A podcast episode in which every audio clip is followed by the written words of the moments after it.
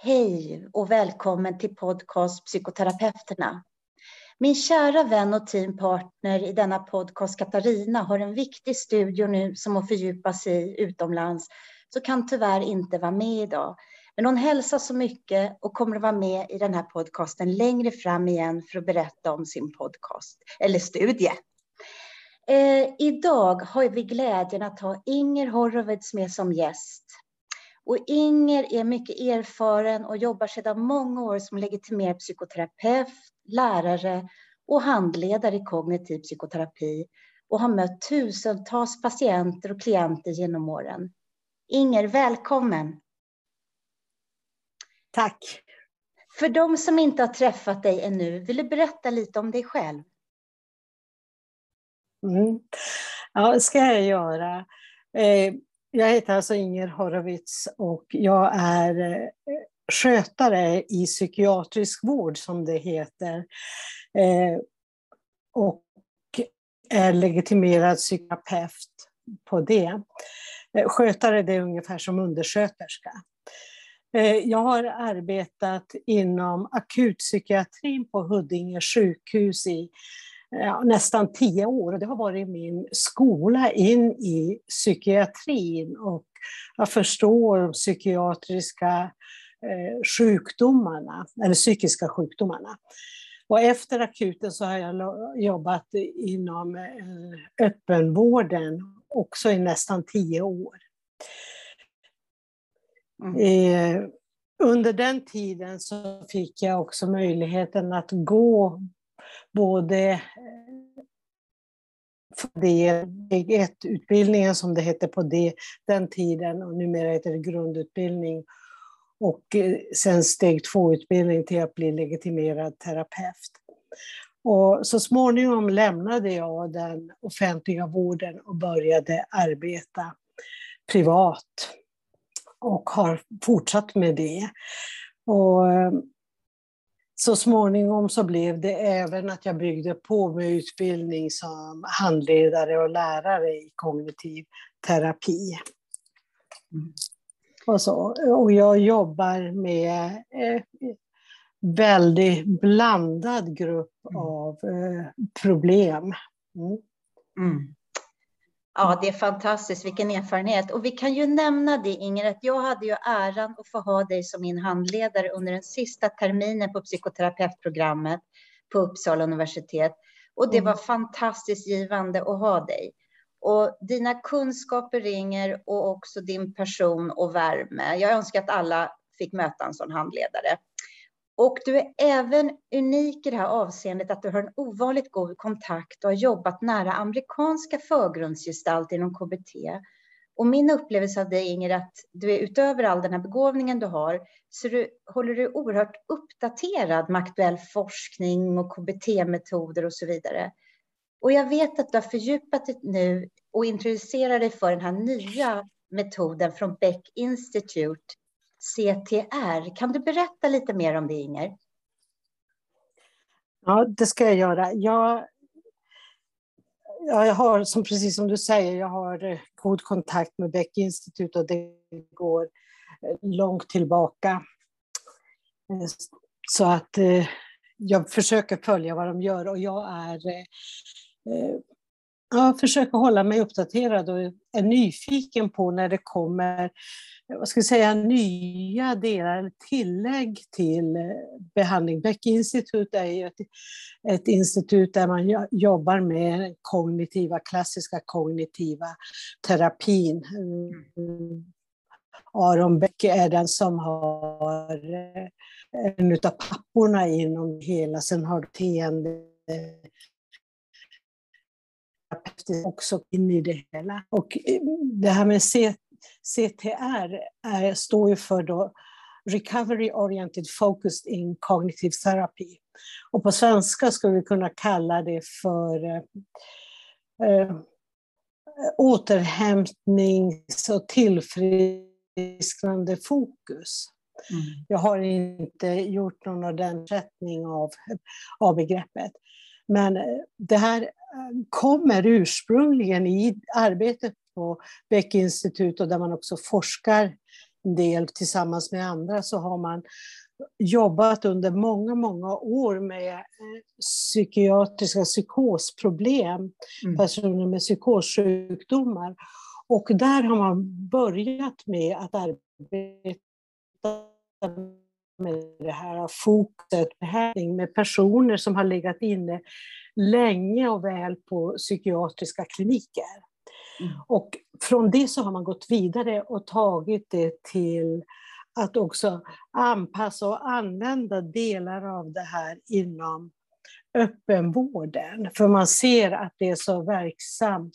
Och det finns studier gjorda på den här tunga psykiatriska diagnosen psykosen, studier som ger fantastiska resultat.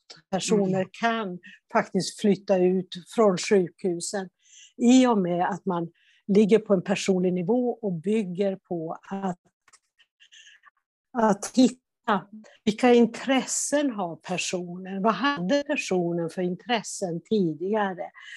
Eh, vilka förmågor finns hos personen att göra saker? Många av patienterna som har legat inne länge, de har innan de insjuknade så har de haft kompetenser inom mycket mm. olika områden. Eh, vilken utrymme finns det för tillfrisknande för dem? Och det mm. finns mycket. Vad har de för förmåga till problemlösning? Eh, och eh, förmåga till att kommunicera med mm. andra. Och stresståligheten, hur ser den ut? Och alla de här delarna så bygger man in och jobbar med det i behandling att man utvecklar vidare det här problemlösningsförmågan som ofta är en stor del som behöver eh, förbättras. Och att ha faktiskt plockat fram, vad hade de för intressen? Vad har de för intressen idag? Var går det att gå vidare? Och att det bygger på att det finns en tilltro till att man faktiskt kan förändra.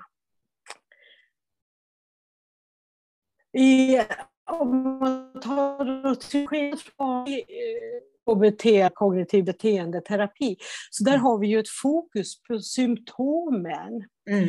och behandlingen av dem. Här i CTR ligger fokus på personens egna värderingar och vad personen försöker uppnå i livet. Vart är personen på väg? Mm. Att det finns mycket mera av individen, mm. inte bara enbart symptomdelen. Mm. Eh, ett fokus är att personen ska då få en Eh, positiv syn på sig själv, på andra och på framtiden. Och med en deprimerad patient så har man ju konstaterat sen, Dr Beck konstaterade ju för länge sedan att det handlar om att de har en negativ syn på sig mm. själv, på mm. andra och på framtiden. Så här är samma triangel så att säga med begrepp Mm. Men man byter fokus i det hela. Och man ser att det Alltså man har med både positiva upplevelser i terapirummet, men också utanför terapirummet. Att, eh, vad, har det, vad har hänt under veckan?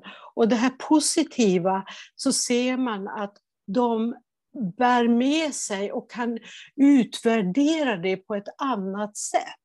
Mm. Även när de är deprimerade och det hjälper till att bryta till exempel depressionen. Mm, vad viktigt. Så det låter som Inger att det är en väldigt livsbejakande, att man identifierar också vad som har varit bra under veckan och hur det kändes. Så att det är ett fokus också på att liksom fånga det hos patienterna, kan man säga så? Absolut, precis så kan man säga. För att det är också viktigt att, att fånga vad har varit bra perioder tidigare i livet. Och vad var det som gjorde att de personerna, eh, perioderna blev bra? Vad har det funnits för viktiga personer som har kunnat stötta? Så att man plockar in de bitarna. Att vad, vad har varit gott med att? Vad har varit bra med att? Och så vidare. Så att det är, eh, det är ett fokus på det positiva, så att säga. Men det är inte positiv terapi. Nej. Det handlar inte om att tänka positivt, utan det är att plocka fram, det här är hela tiden på individnivå. Mm. Låter jättefint Inger. Och du har ju redan varit inne på det, men just det här skillnaden mellan traditionell kognitiv psykoterapi och den här eh, behandlingsformen, så låter det som att det är mer ett fokus på personens värderingar. Kan man säga så?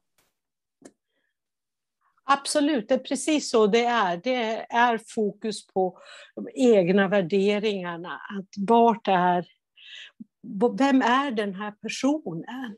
Mm. Vad vill den här personen? Hur fungerar den här personen? Vi ska inte ta bort sånt som fungerar. Vi ska förstärka det som fungerar, modifiera det som är mindre bra. Mm för Fint. individen. Mm, jättefin. Och jag tänker så att det är många psykoterapeuter som lyssnar på den här podden, eh, Inger, och inte känner till den här behand behandlingsmetoden. Hur kan interventioner te sig? Va, va, hur kan det till exempel se ut, en behandlingsprocess? Du har redan varit inne på det lite, men frågor till exempel ja. till en patient. Ja, alltså behandlingsprocessen, jag ska lägga till ett till begrepp. Att förr eh, så pratade man om hemuppgifter.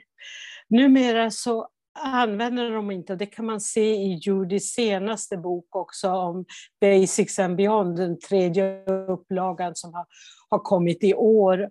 Och eh, där man pratar om en action plan eller handlingsplan. Och den är, mer, den är mer aktiv i rummet än vad, vad hemuppgifterna var. Att man jobbar hela tiden med den här planen. Att är vi på väg mot målet? Hur har det gått under veckan? Det man också frågar är ju när eh, har du haft en känsla av välmående under veckan? När mådde du bra under veckan? När var mm. det? Ja, de kan säga kanske att det var en kort stund. Ja, men då fångar man den här stunden. För att se, vi ska ju inte värdera om det var två minuter, fem minuter, en halvtimme. Utan det personen kan känna igen att jag faktiskt mådde bra. Att där, så man frågar, om man frågar kring att eh, när hade du din bästa period i livet? Mm. Och vad var det som gjorde att den perioden var så bra för dig? Mm. Fint. Och att man tittar på att man verklighetsanpassar som man behöver göra, och det gör man ju i, i klassisk terapi också, se till att personen inte sätter för höga mål. Och det är då problemlösningsförmågan kommer in också, att se, och se värderingarna kring det hela. Att var, var står du? Att kunna anpassa så att det blir realistiskt bryta ner det och ta steg för steg. Och att förstå att den här personen eh, kan inte det här utan är så driven av sina krav på sig själv. Men kan vi minska dem så får vi eh, öva mer och mer. Och det är där den här planen mm. kommer in, handlingsplanen kommer in. Att man deras, hela tiden när det dyker upp något nytt, ska vi sätta upp det här på handlingsplanen att jobba med nästa vecka? Mm. Alltså man tar små bitar, man tar stora bitar.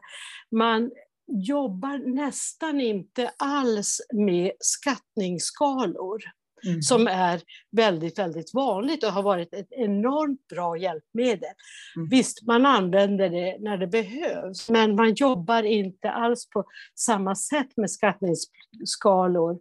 Och jag fick höra att eh, man tror, jag tror att Judy skrev om det också i sin bok, att eh, det kommer att vara så att skattningsskalorna kommer att fejda ut, att mer från behandlingsrummet. Mm. Att det kommer inte att vara, naturligtvis i forskningsstudier behöver man alltid ha skattningsskalor, det kommer vi inte ifrån. Mm. Men att det kommer att försvinna mer och mer och att man interagerar. Att med det här så gör man ju också så att man naturligtvis gör en konceptualisering där man också har med då de här positiva bitarna och konceptualiserar dem så man får det här att rulla på, att se att det positiva och det negativa är på något sätt lika viktigt i behandlingen. Mm. Att se, och man bygger mycket, mycket mer på personens styrkor. Mm. Mm. Mm. Ja, men det är jätteintressant Inge, så det är ju andra behandlingskomponenter och delvis tänker jag också ett annat fokus som också kan verkligen bli en positiv kraft för patienten, beskriver du. En energi. Ja, precis så. Ja, precis så. Och den här metoden, Inger, passar den också för gruppbehandling? Fungerar den för det? Man har, man har med, med dem på psykiatriska kliniker så har man också jobbat i grupp och jobbar i grupp. Det här tror jag nu är, finns i sex eller sju olika delstater i USA där man jobbar med det här med de här tung, tunga psykiatriska diagnoserna. Mm. Och där jobbar man i grupp med de här personerna för att de får också nytta av att ja, men de lär sig av varann och de lär sig att kommunicera på ett annat sätt. Så att, eh, jag har inte sett någon forskningsresultat kring just gruppbehandling, men jag har sett att det finns med. Mm. Jag har inte sett någonting om att det finns ännu inom öppenvården, för de håller på att utveckla det här mm. och prövar sig fram. Att hur är det här? Hur funkar det här? Mm. Det är så nytt. Och har då ja, fantastiska... Ja, ja. Det är spännande att få ta del av det här från, ja, men nästan från början. Mm. Det är otroligt innovativt och nytt. Nej, men jag hör verkligen det och det låter verkligen oerhört bra för så många patientgrupper. Jag tänker på Inger, av dem vi har frågat inom den här terapeutiska världen så är det få som känner till den här metoden. Eh, mm. Och eh, du har ju jobbat länge också som handledare. Eh, vad tänker du, Inge? Varför är det så viktigt med handledning? Handledningen är, det är ju det viktigaste hjälpen för, för de som går på utbildningar och även efter utbildningar. Att både få ett utifrån perspektiv men också få hjälpen att se och förstå. Och där kommer ju min nytta in med den tunga psykiatrin, att också få förståelsen för de psykiatriska diagnoserna. För det är inte alltid man har det. Men att därför är handledningen så bra och att man kan hjälpa till att förstå patienten, man kan få öva i handledningen på att göra olika interventioner. Att vi kan rollspela i, handling, i handledningsrummet och se att hur funkar det här? Hur känns det att fråga på det här sättet? Hur känns det att sammanfatta på det här sättet och så vidare. Allt det man gör i rummet, att man har en, en övningsyta och man mm. får ytterligare ett par, om man har individuellt som du och jag hade, får man mm. ytterligare ett par ögon. Mm. Men det, när man har handledning i grupp så har man ju ytterligare resurser. Och det är det fortsatta lärandet. Mm. Hela tiden. Och eh, långt efter att jag blev färdig, eh, alltså hade gått handledarutbildningen själv, så fortsatte jag ju själv att ha regelbunden handledning, för jag tyckte det var så kul. Mm. Också att få diskutera Jag på förstår, det sättet. håller med. Ja. Ja, Mm. ja, ja.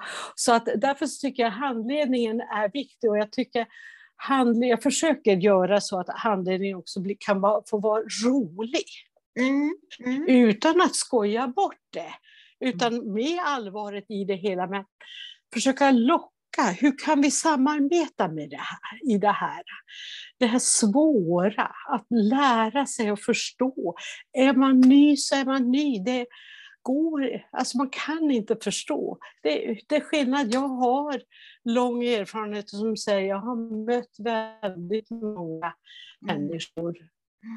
Och olika typer av människor. Så att det, det är viktigt. Handledningen är jätte, jätte, jätteviktig.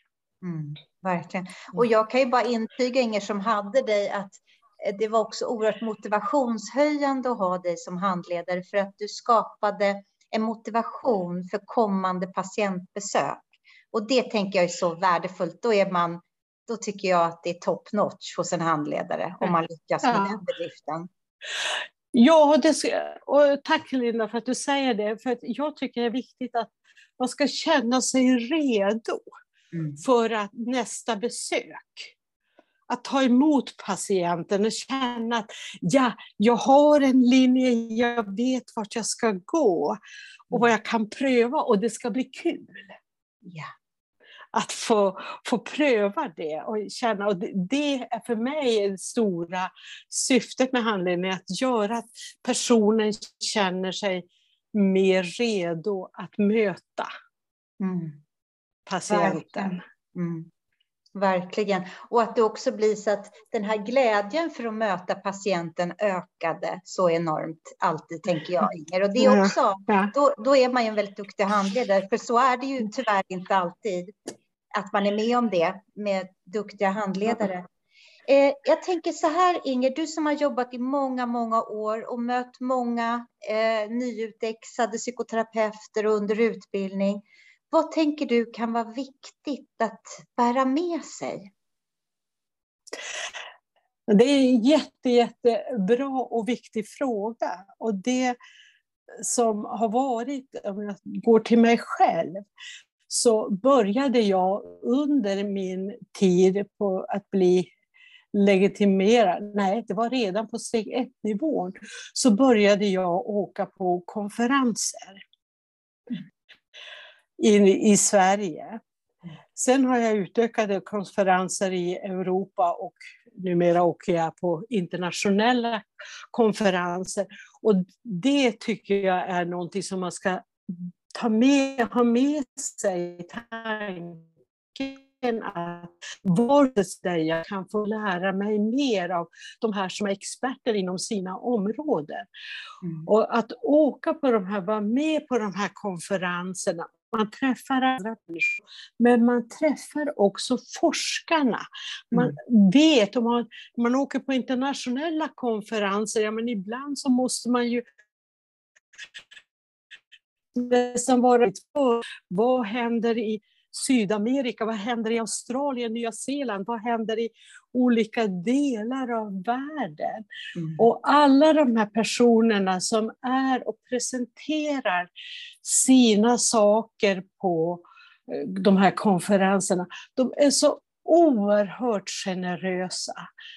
Alltså, de blir så glada när man kommer fram och pratar med dem och diskuterar kring saker de just har presenterat och sånt där. Alltså den generositeten finns där.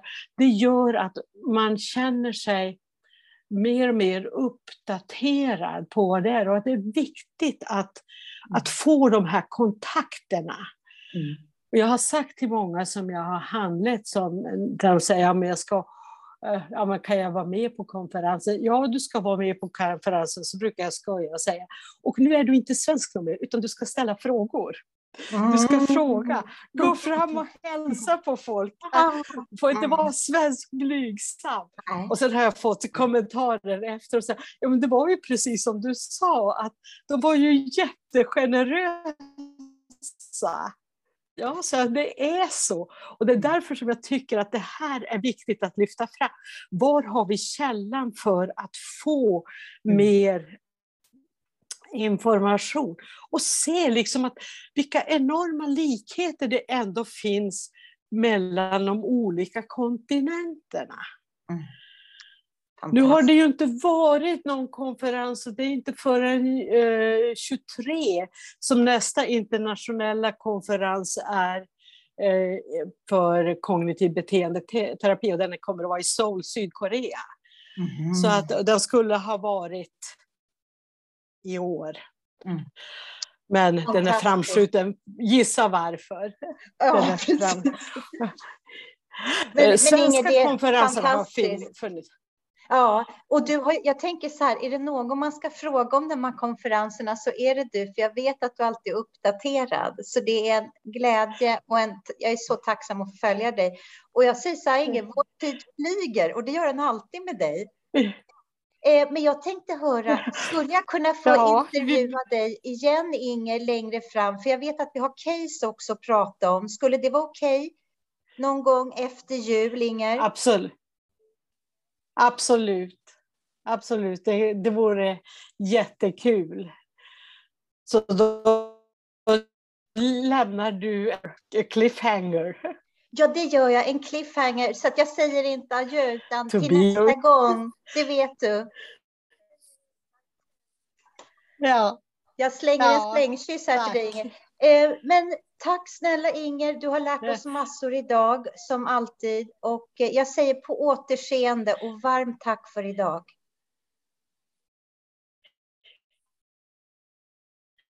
Tack själv, inbjudan. Hej då. Hej då.